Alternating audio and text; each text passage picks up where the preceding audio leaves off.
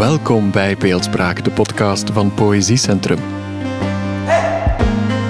In elke aflevering van de reeks klassiekers praten we met een kenner over een iconisch gedicht uit de wereldliteratuur. Waarom is dat gedicht zo bekend en geliefd?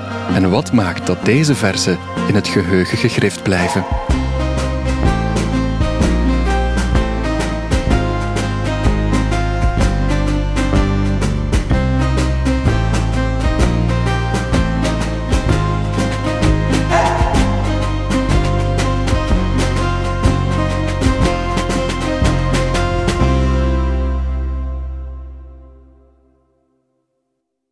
Welkom bij eh, Beeldspraak, de podcast van het Poëziecentrum. Mijn naam is eh, Wannes Gijslink, ik ben toneelauteur, eh, publicist over de kunsten.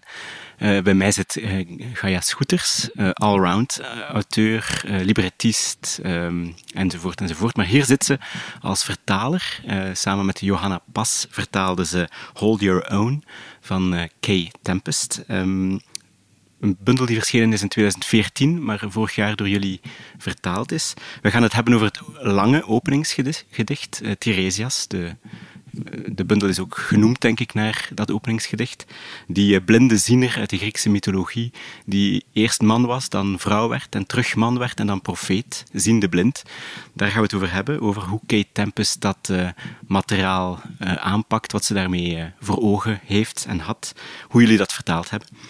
Voor we erin vliegen, een uh, disclaimer. Um, in augustus vorig jaar uh, kondigde Kate Tempest, toen nog Kate Tempest, aan dat zij zich identificeerde als non-binair. Ze heeft dat gedaan in een heel mooi statement. Uh, zelfs onder progressieve wordt daar soms wat smalend over gedaan. Die raad ik aan dat statement eens te lezen. Dat gaat voor haar echt over hoe integer uh, te leven. Dat kadert ook in een soort van persoonlijke emancipatiestrijd. Um, heel ontroerend. Ook mooi hoe ze door een T weg te halen uit haar naam zegt dat ze nu twee vogels wordt. Ofwel een, uh, een gaai, en dat is een vogel van de dapperheid en de, de het aanpassingsvermogen. Uh, maar de andere vogel in het Oud-Engels is een koutje. En dat is een vogel, het symbool van uh, dood en hergeboorte. Dat is misschien een, nog mooier aansluitend bij, bij onze thematiek. Van waar deze disclaimer, uh, Gaia en ik zijn allebei nogal 20e eeuws. Ook al zijn wij, denk ik, zelfverklaarde progressieven. Die um, persoonlijke voornaamwoorden, die bezittelijke voornaamwoorden, dat zit er binair ingehamerd bij ons. We gaan ons uiterste best doen. Uh, we gaan dus spreken over kei als hen en hun in, in een soort meervoud, wat op zich prachtig is. Uh, I contain multitudes, zei Whitman. Uh, dat is natuurlijk ook zo. Maar uh, wij kunnen dus geen occasionele voornaamwoordelijke slip of the tongue uitsluiten. Maar we gaan ons best doen. Ja, Wannes, ik ben heel blij dat je ons hiermee al van al onze misstappen probeert te behoeden, of er ons in elk geval voor verontschuldigt. Want ik vrees, ik weet het zeker, ook al ben ik zelf, en we hebben dat ook al eerder gezegd, zowel Johanna als ik zouden in zekere zin kunnen zeggen, we zijn ook op zijn minst genderfluide, misschien ook wel non-binair. Maar het is ontzettend moeilijk om het juist te doen. En dat heeft denk ik twee oorzaken. In de eerste plaats praten met hen, hun en een enkelvoudig werkwoord in het Nederlands is voor iemand met een beetje grammaticaal taalgevoel genoeg om na twee lijnen zijn woorden niet meer te vinden. En inderdaad, zoals je zelf zei, wij zijn in die mate en dat is een trieste vaststelling, maar het is wel zo, binair voorgeprogrammeerd, dat onze hele taal nu eenmaal in mannelijke en vrouwelijke woorden is opgedeeld. En al wat daartussen zit, moet zoeken naar een nieuwe vorm. Maar ik hoop dat die in de 21ste, taal, 21ste eeuwse taal en het 21ste eeuwse Nederlands spontaan zal evolueren, zal groeien naar iets wat voor iedereen natuurlijk aanvoelt je voelt dat studenten, daar, studenten van mij op, het kast daar al veel vlotter mee omgaan. Die hebben daar al een handigheid. Uh, die zijn erin geboren, laten we maar zeggen. Dus uh, laten we hopen, inderdaad. Nu, Theresa's is op zich al zo'n interessant figuur, uh, omwille van het feit dat hij die twee polen letterlijk heeft belichaamd en nog altijd natuurlijk in die binariteit vastzit. Het is niet dat die binariteit daarmee overstegen wordt. Dus we gaan het denk ik hebben over waarom Kate, Tempest zo gefascineerd is door die figuur. Uh, hoe we daar naar kunnen kijken, misschien zelfs door een queer lens. Maar misschien voordat we er, ehm, inhoudelijk over praten, uh, zie je het zitten om, om het lange gedicht, is 25 pagina's. Je zou het een klein verhalend gedicht, een epilion, zouden we vroeger gezegd hebben, uh, zouden we het kunnen noemen. Zou je het zien zitten om de contouren daar inhoudelijk gewoon eens van, van met ons door te nemen? Wat erin verteld wordt. Dus de uh, paraphrase kills poetry, maar we gaan het toch doen. Ik ging net zeggen paraphrase kills poetry, maar het is een verhaaltje, dus laat ons het verhaaltje even kort vertellen.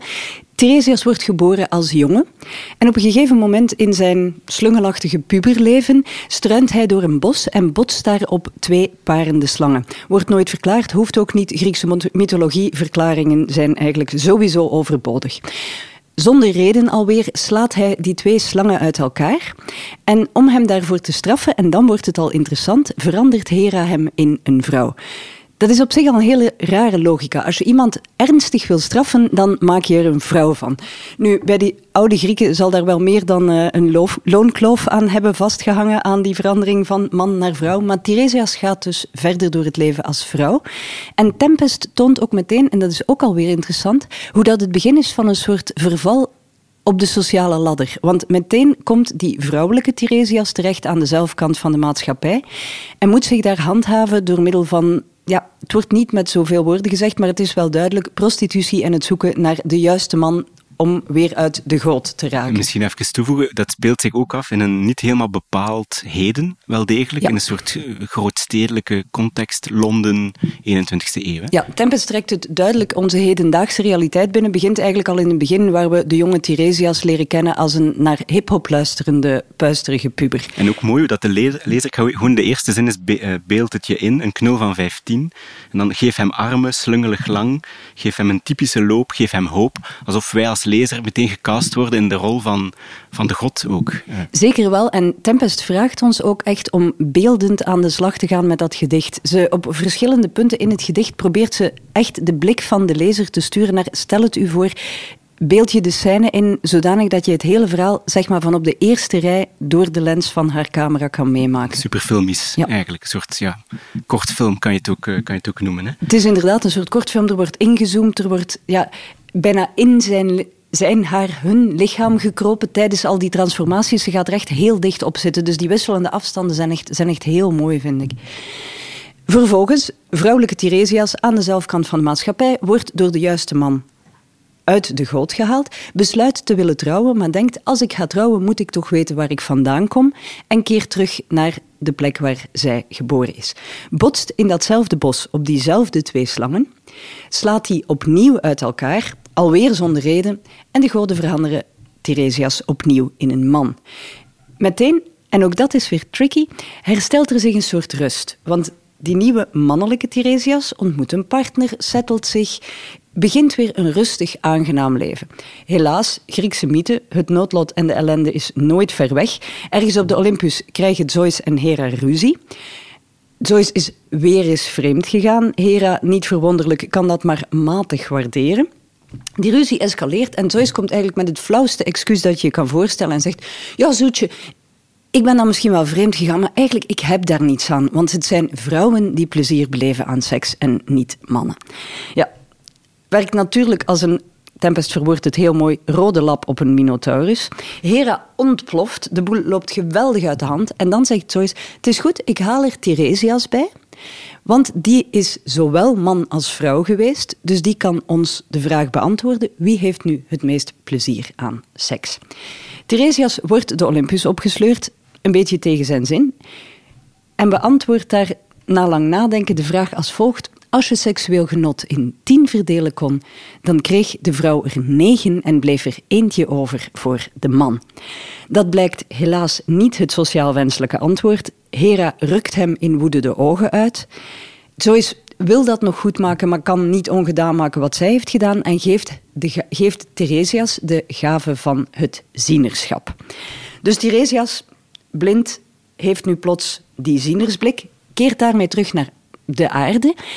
En dan doet Tempest En dat doet ze eigenlijk in die hele bundel, want behalve het openingsgedicht is dat verhaal van Tiresias eigenlijk ook het structurerende principe van de hele bundel. Ze doet daar iets heel interessants mee. Die zienersblik die vouwt zich eigenlijk open naar onze hele hedendaagse maatschappij en naar alle vragen die Tempest zich dan gaat stellen rond klimaat, rond neocapitalisme, rond neoliberalisme, rond de manier waarop wij met elkaar omgaan. Dus ze gaat eigenlijk naar al onze hedendaagse problemen kijken vanuit die ja, oud-Griekse ziener die aan het einde van het openingsgedicht eigenlijk een soort halfdronken dakloze is die door niemand ernstig wordt genomen en die ons noodlot van mijlenver ziet aankomen. En dat alles wordt verteld in een soort flow, uh, heel helder, heel um, letterlijk mislepend, deels uh, anapestisch, hè, dus af en toe jambisch, dus ze speelt daar ook metrisch met, met, met vorm. Het moment dat die, die, die, eerste transformatie gebeurt, misschien leuk om, om dat stukje eventjes uh, te lezen, omdat, omdat je daar de combinatie voelt van die flow, maar ook poëtisch en beeldspraak gebeurt daar wel van alles. Ja, dus we zitten in het bos. Theresias heeft net als jonge jongen die twee slangen uit elkaar geslagen en dan gebeurt er dit. Zijn lichaam beantwoordt een roep buiten hem, welft op waar voordien nog niets was. Spiermassa slinkt, zijn heupen verwijden, zijn beenderen bulderen, mannelijkheid krimpt en kruipt naar binnen. Denkend aan niets voelt hij het nieuwe bloed stromen. Zijn lichaam giet zichzelf in vorm. Bosgrond schuurt zijn enkels rauw, terwijl hij van gedaante wisselt. Hij schokt en schrikt. Meer zal hij zijn dan de som van zijn delen. Hij schudt en schreeuwt zijn mond van streek. Een pijn die enkel vrouwen kennen keert hem binnenste buiten. Zijn adem stokt tot zacht geheig. Hij stopt. Hij voelt. Kalmeert. Blaast uit. Dan Draag hem voorzichtig, komt zij overeind. En dan vertrekt de nieuwe Tiresias, nu vrouw, voor dat nieuwe leven.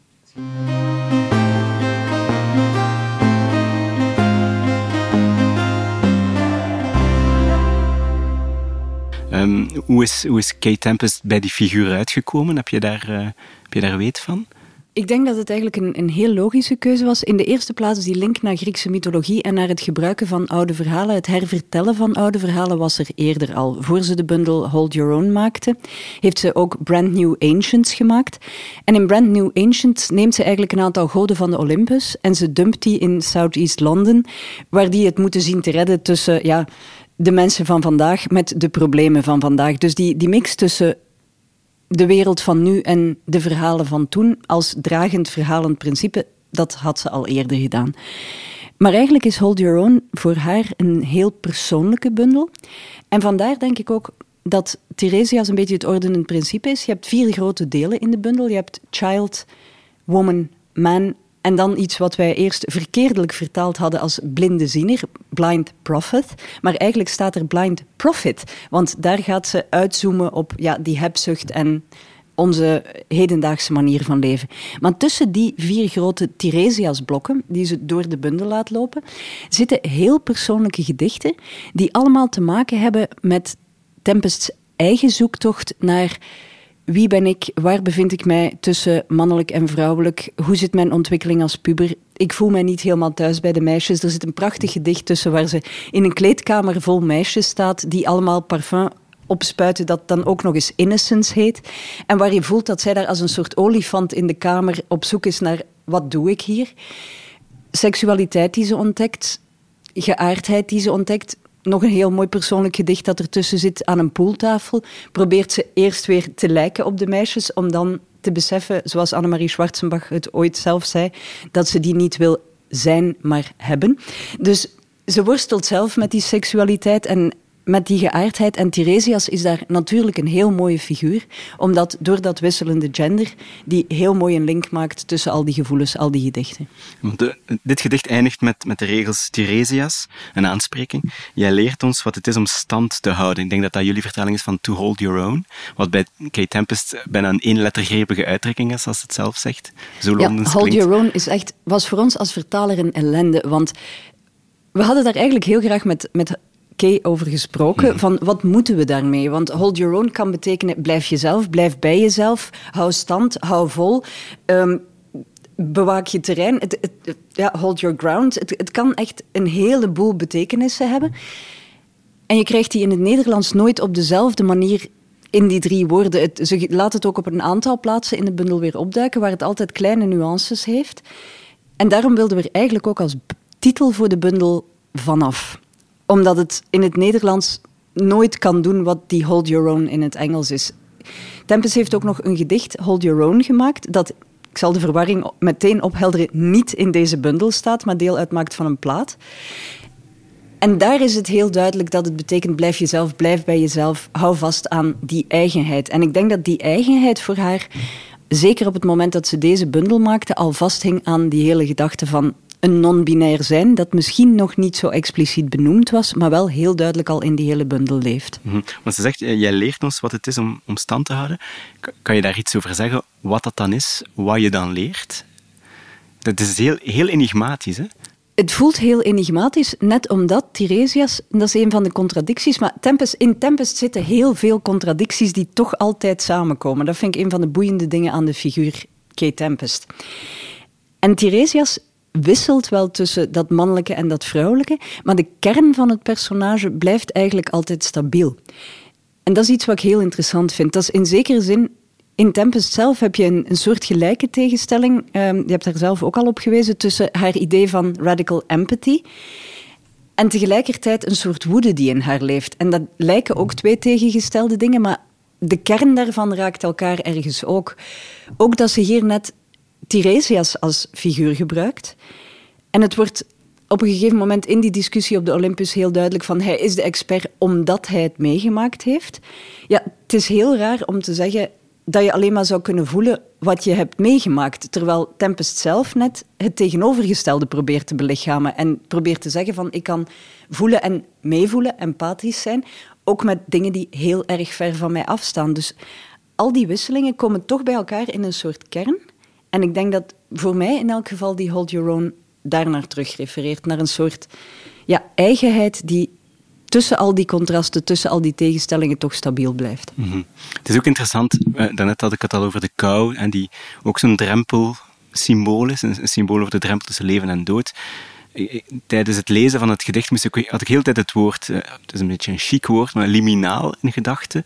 Uh, liminaal komt van het Latijn limen, drempel. Daarom vind ik het zo mooi, omdat het gaat over uh, wezens of, figuren die op de drempel tussen jammer genoeg altijd tussen die twee binaire polen blijven dralen of heen en weer kunnen gaan. Um, niet, om, niet, toevallig cast zij Theresia, zoals je zegt, als een soort marginaal, een figuur uit de marge. Ook al zo'n gelijkaardige beeldspraak. Wat levert dat op, die marge?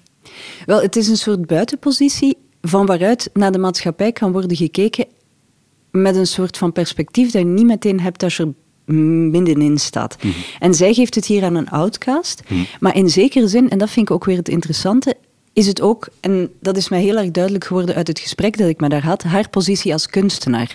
Wat zij zegt van net het feit dat ik kunstenaar ben, plaatst mij eigenlijk ja, in een positie waar ik al die rimpelingen in de maatschappij kan voelen en waar ik daar een ander zicht op heb en wat mij eigenlijk de luxe ook geeft om die radical empathy te kunnen voelen. Dus die outsider-positie geeft mij eigenlijk een, een, veel helderder blik. De marge als luxe wordt het dan bij haar eigenlijk. Ja. Het wordt zeker de marge als luxe en kunstenaarschap als luxe en bijna ook, maar dat is ook iets wat Kay heel duidelijk zelf zegt, kunstenaarschap als iets wat voor haar op de rand van, voor hem. Op de, zie hoe moeilijk het is ja, op het moment dat je begint door te Ik signaleer het eventjes met een handgebaar. Ja, dank daarvoor. dus kunstenaarschap als, als een positie die ook iets sacraal of bijna iets religieus is. En heel vaak wordt er over Tempest gesproken als een soort... Ja, vroeger was het hoge priesteres, nu zou het dan een neutraal woord, hoge priester, wat dan weer een mannelijk woord wordt maar dus van, vanuit een soort religieuze positie bijna gaat kijken en, en heel dicht zit bij het maken van die verbinding um, en, en het, bijna het schenken van een soort... Tegelijkertijd in haar teksten wijst ze mensen op hun fouten en er hangt toch altijd een soort van vergeving aan. En dat is dan weer die radical empathy. Dus dat, dat dubbele principe. Ik denk dat jij het gratie genoemd hebt, vond ik een heel mooi woord ervoor. Die, zij, of die hen als kunstenaar gaan innemen. Ja, ik, ik zag op YouTube onder een van haar talloze filmpjes iemand die zei: uh, I love Kate was dat toen nog. I love Kate, but every time I listen to her, I have the feeling of being told off without knowing why. Er, is, er, is, er is dat gevoel dat we, dat we als luisteraar vaak ook onder ons voeten krijgen. Hè? Wel, er is iets prekerigs, iets af en toe toch een beetje berispend, vind ik. Ja. En dat stoort je? Het hangt ervan af. Het is een dunne grens, want soms raakt het aan iets. Heel vaak raakt het aan iets waarvan je bewust bent, inderdaad, dat er iets schort. En dan is het een soort irritatie die ik heel zinvol vind. Een, een soort, mhm. ja, het soort irritatie waar kunst eigenlijk in die rol voor bedoeld is. om, mhm. net om mensen liefdevol maar duidelijk op hun misvattingen te wijzen. In sommige gedichten schuift het naar de rand van het prekerige, maar het is een moeilijke lijn. En Theresias is natuurlijk ook een figuur die in de mythologie de, de inconvenient truths voortdurend mededeelt. Uh, dus in dat opzicht snap ik ook haar fascinatie voor die figuur. Er wordt soms kritisch ook over haar gesproken, geschreven. Je kent waarschijnlijk het essay van Rudy Laremans in het leuke boekje Grondtonen, vorig jaar verschenen. Zij heeft over, uh, hij, hij, Rudy, heeft over uh, Kay een, een, een mooie, maar ook wel kritische tekst geschreven. Eén kort stukje, dacht ik, is misschien mhm. interessant om, om, omdat zij het, het heeft over het, het grootstedelijke Londen, een bepaald soort grimmige, sociaal grimmige realiteit. En hij bekritiseert daar, en ook haar publiek wellicht, eh, Tempest houdt, ik, ik citeer, Tempest houdt haar publiek geen spiegel voor. Wie zich als witte hipster of gestudeerde hip-hop van toch met haar teksten vereenzelvigt, bezondigt zich aan het soort van imaginair exotisme dat dreigt neer te komen op een vorm van cultureel neocolonialisme. Dat zijn uh, einde citaat, zware woorden. Hoe denk jij dat jij daarop zou, zou antwoorden? Wel, ik snap het punt. Want aan het einde van datzelfde stuk zegt Laarmans, ja, eigenlijk is het probleem met Kate Tempest dat het toch een beetje, het is een soort, ja, wat ik dan zelf, het, het is edgy, maar het is ook weer niet edgy, het is bijna mainstream edgy. Het zit het is onwaarschijnlijk populair eigenlijk. Hè? Wat zij gedaan heeft met poëzie. Dus... Maar je kan er natuurlijk. Of je, je kan Tempest niet afrekenen op het feit dat het werkt en dat het populair is. Absoluut. Het heeft authenticiteit, maar Tempest is een beetje een dubbele figuur, want komt zelf natuurlijk wel uit Zuid-Landen, is daar opgegroeid, heeft duidelijk op die nachtelijke straten gelopen en de dingen ja, als je haar gedichten gaat lezen, ik zou niet willen weten ehm, hoeveel doorzopen en doorwaakte nachten achter die gedichten zitten. Ze noemt het in, in jouw mooi interview, dacht ik, de, de angst van de getuigen of de kwaadheid van de getuigen. Vond ik een mooie het idee dat je zelf als witness ja. Uh, dus ziet. Ja. Het is heel duidelijk, Tempest is er geweest en kent van binnen en van buiten dat soort rand van mhm. Londen. Langs de andere kant, Tempest heeft ook gestudeerd, heeft duidelijk een achtergrond en zoekt duidelijk in, haar, of in hun gedichten en, en in de, ja, zoals Laarman zegt, ook in de plaatsen waar ze dan gaat optreden, wel aansluiting met dat hoog literaire publiek. Dus die dubbelheid zit er wel in. En dat doet iemand met een slecht karakter vermoeden van is Tempest nu eigenlijk gewoon een heel goed commercieel concept? Een commercieel concept dat ten dele aan ons hipster schuldgevoel tegemoet komt en ons daar een soort absolutie voor geeft. En jij hebt haar dat gevraagd? Wel, ik dacht, zulke dingen moet je mensen vragen. Dus ik heb haar gewoon gevraagd, ja, hoor eens, ben jij eigenlijk echt? Of ben jij een concept?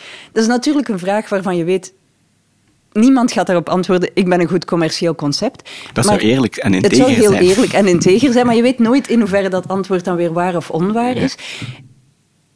Maar door de manier waarop er een antwoord kwam, en vooral wat mij daaraan verraste was, er was geen enkele irritatie door de vraag. Er was een heel grote aanvaarding van de vraag van oké, ik vind het een zeer logische vraag om te stellen, maar ik ben wel degelijk echt. Zonder dat er dan een grote argumentatiedrang achteraan kwam om dat te gaan bewijzen. Dus dat gaf mij toch een groot gevoel van oké, de intentie die erachter zit is in ieder geval heel zuiver. Mm omdat ze zich ook bewust is van die laat-kapitalistische eh, omgeving waarin dat zij opereert.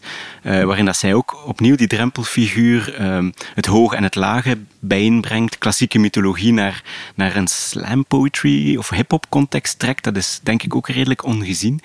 Ehm, misschien is het ook leuk om eens te horen hoe die goden dan met elkaar omgaan. Je vermeldde die, ehm, die brand new ancients en ze doet dat hier opnieuw. Uh, het, het, stukje waarin Theresias eigenlijk onverhoed, hij is alleen thuis, uh, sorry, zij op dat moment is alleen thuis. Hij is alleen thuis.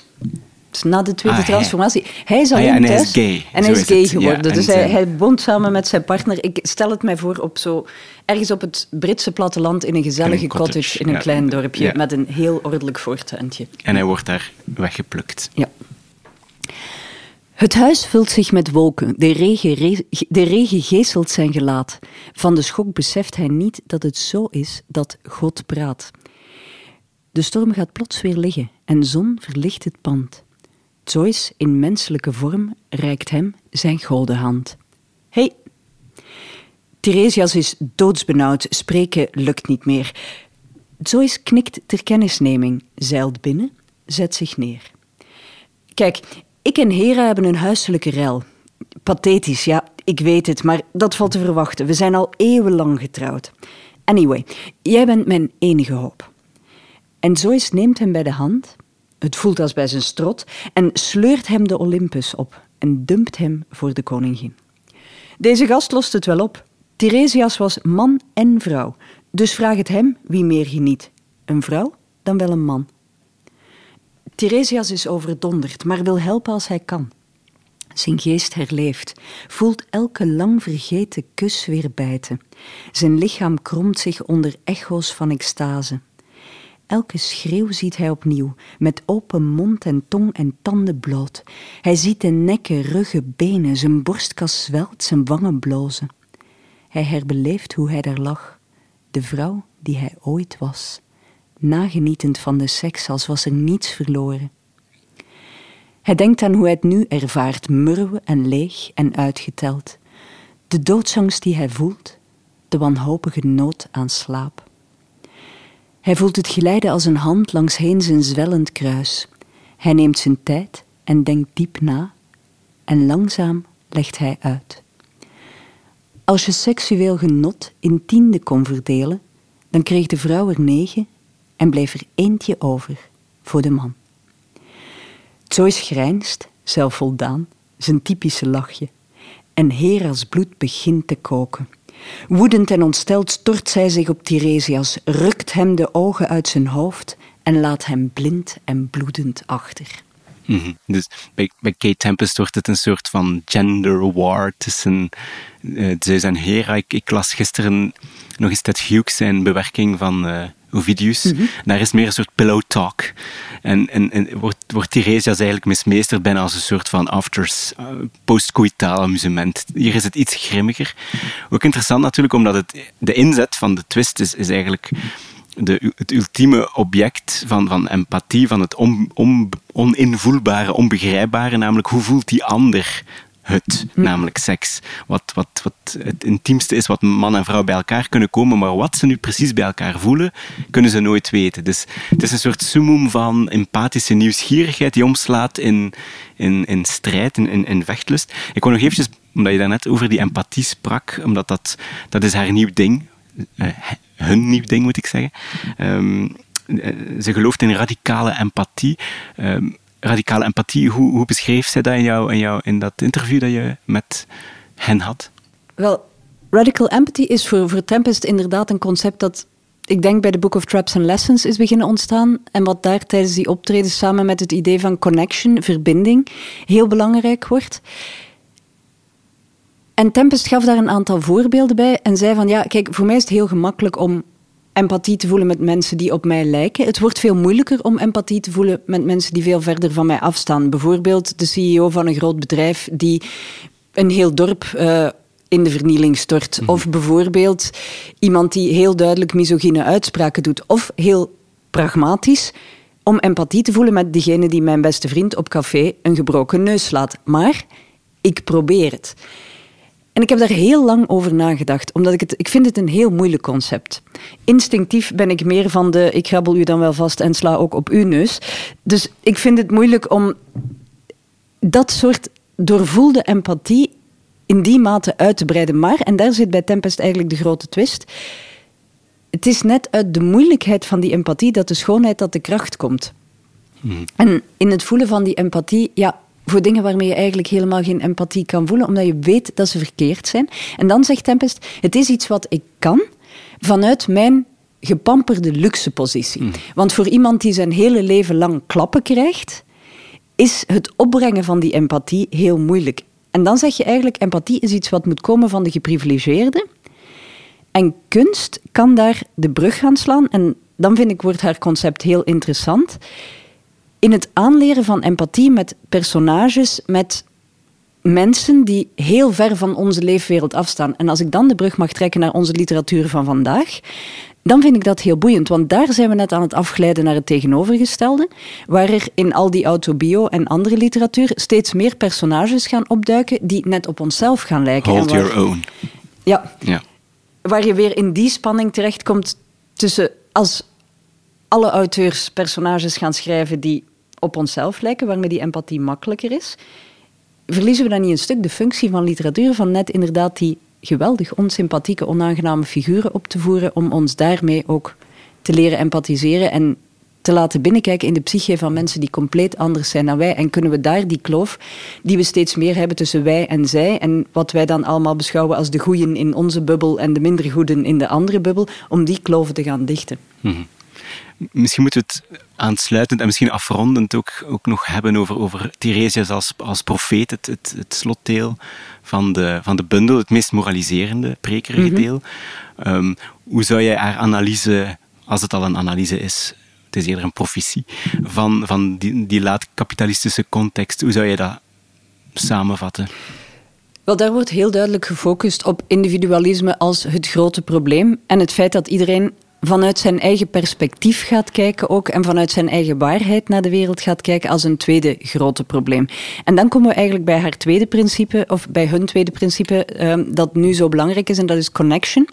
En connection die dan ook weer via kunst gemaakt wordt, door eigenlijk een groep mensen samen te brengen en te luisteren naar hetzelfde gedicht, te luisteren naar dezelfde tekst en daar samen een emotie mee te hebben. En dat is iets wat ik in deze covid-tijden heel interessant vind, omdat dat net nu is wat is weggehaald uit onze maatschappij. Het collectief beleven van kunst en de spanning die er is tussen een uitvoerder en een publiek, maar ook tussen die verschillende mensen in een publiek die naast elkaar hetzelfde staan te beleven, is denk ik een heel belangrijke ja, factor voor maatschappelijke cohesie, voor het, voor het zorgen van een soort samenhang en een soort ja, katalyseren van gevoelens. Het, het geeft ook een, een vrijheid. Je zag het gebeuren tijdens de inauguratie van Biden met, met dat gedicht van Amanda Gorman, waarin dat je voelde dat daar ook iets, daar kristalliseerde iets rond, rond, rond die verzen van haar, die als je die op papier leest, als ik eerlijk moet zijn, de eerste keer las ik ze, was ik daar niet heel erg van onder de indruk.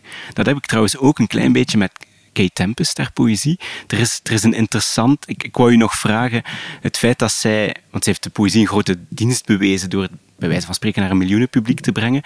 Je ziet dat natuurlijk ook aan die poëzie. Je, je voelt ook die context, die slam poetry context, waarin dat je als performer één kans hebt om, om te connecteren, om, om, om, om je verbinding te slaan, om dus ook helder te zijn. Uh, hoe zie jij dat als vertaler en ook als auteur in de schriftuur van, van Kay, uh, die, die orale bron eigenlijk, of, of uh, context. Het is een spanning die er heel duidelijk in zit. En dan is Hold Your Own, dus Theresias, eigenlijk nog haar eerste bundel die gemaakt is op papier en niet uit een performance is ontstaan. Want Brand New Asians was eerst een performance en is daarna, heeft daarna neerslag gekregen. Bij heel veel van haar bundels is het procedé andersom. Theresias is eigenlijk op papier ontstaan. En zeker in dat lange openingsgedicht voel je dat wel. Want dat lange openingsgedicht is wat constructie betreft, wat ritmes betreft, veel coherenter, veel, ja, duidelijk veel meer bijgeschaafd dan de andere. Veel van haar andere gedichten, Tempest houdt absoluut niet van tweede versies, van schaafwerk en, en van blijven zoeken naar. En je voelt dat ook. Het is ten dele, en ik ga nu een heel oneerbiedig woord uh, gebruiken, gebruikspoëzie die een functie moet vervullen en ja, daarna you move on. Want er is nog zoveel te zeggen. Dus, dus het kleine, subtiele schaafwerk van drie weken aan een gedicht, dat is er niet. En dat geeft natuurlijk logischerwijs een ander soort tekst. Maar die flow die erin zit, en dat ik doe het in één adem, net zoals dat ze uit, uit een soort obsessieve koppigheid de Books of Traps and Lessons in één monstersessie heeft opgenomen. Dus niet in stukjes, niet in takes, maar gewoon ik perform het hele ding en dat wordt dan de plaat. Geeft er ook een echtheid, een levendigheid aan die net ja, ervoor zorgt dat het is wat het is. Dus dat is ook het mooie ervan. Dat maakt het als vertaler niet altijd makkelijk. Want ofwel ga je zoeken naar een soort gelijke flow, maar dan wijk je vroeg of laat verder af van die tekst. Ofwel moet je telkens weer proberen om een compromis te vinden tussen wat dan een goed Nederlands gedicht wordt en, en wat er eigenlijk stond. En wat je daarnet ook zei, inderdaad, over hoe dat dan gaat werken. Ja, die connectie ontstaat op het moment dat iets voor een publiek wordt gebracht en dat het moment daar is. Het heeft heel erg te maken met samen in dat moment zijn. En dan krijg je, en dat was eigenlijk het woord wat ik een half antwoord geleden zag, een, een soort van catharsis voor dat besef dat we allemaal hebben dat we niet zo heel goed bezig zijn. En ik denk dat het daaruit is, of daardoor is dat we dat prekerige accepteren. Omdat je op het moment dat je het live meemaakt en dat je in het tempest gevoel zit, dat je voelt dat er iets fout zit en dat je daar een soort collectieve catharsis krijgt. En dat maakt dat mensen dan buiten komen uit zo'n concert en zeggen: ja, je komt er veranderd buiten. Je hebt tegelijk het gevoel dat je een revolutie wil beginnen en alle mensen op de trein wil knuffelen. En dat is de kracht van Tempest, denk ik. Dat lijkt mij een fantastisch einde. Uh, het was een gesprek met veel enerzijds, anderzijds, maar dat lijkt me dan ook helemaal te passen bij zowel het hoofdfiguur als, uh, als de schrijver. Uh, Gaia Scooters, heel erg bedankt. Wannes, dankjewel.